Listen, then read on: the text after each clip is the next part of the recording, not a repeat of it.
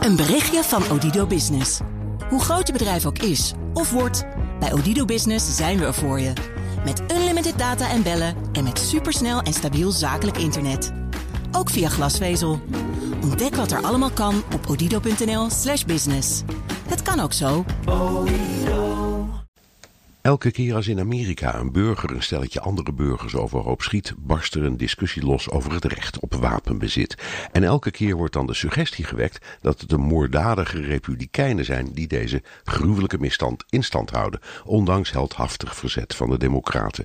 Het is je reinste flauwekul. Veel tegenstanders van wapenbezit zijn democraten, maar de democraten zijn zeker niet tegen wapenbezit.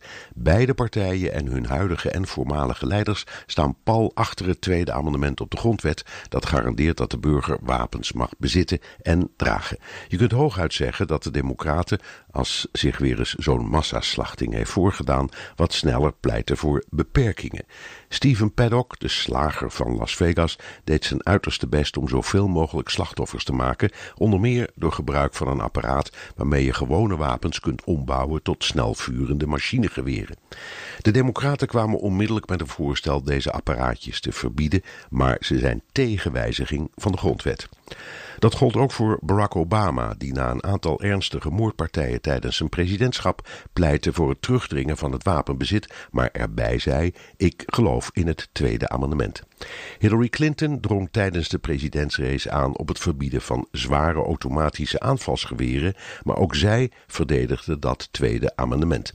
Bernie Sanders, de meest linkse kandidaat van vorig jaar, is zelfs tegen beperkende maatregelen. Bill Clinton vocht als president wel voor beperkende maatregelen, maar ook hij hield vast aan het grondwettelijk recht om wapens te bezitten. Waaraan ontlenen al die commentatoren die deze misstand in de schoenen van de Republikeinen schuiven hun kennis? Het is allemaal treurig genoeg en je zou kunnen zeggen dat een fatsoenlijke samenleving het wapenbezit niet grondwettelijk aanmoedigt. Het tenen krullende argument van de wapenlobby dat het niet wapens zijn die mensen vermoorden, maar mensen is een bewijs van primitieve verheerlijking van geweld. Maar ook aan dit collectieve complex leiden democraten net zozeer als republikeinen. Een berichtje van Odido Business. Hoe groot je bedrijf ook is of wordt, bij Odido Business zijn we er voor je. Met unlimited data en bellen en met supersnel en stabiel zakelijk internet. Ook via glasvezel.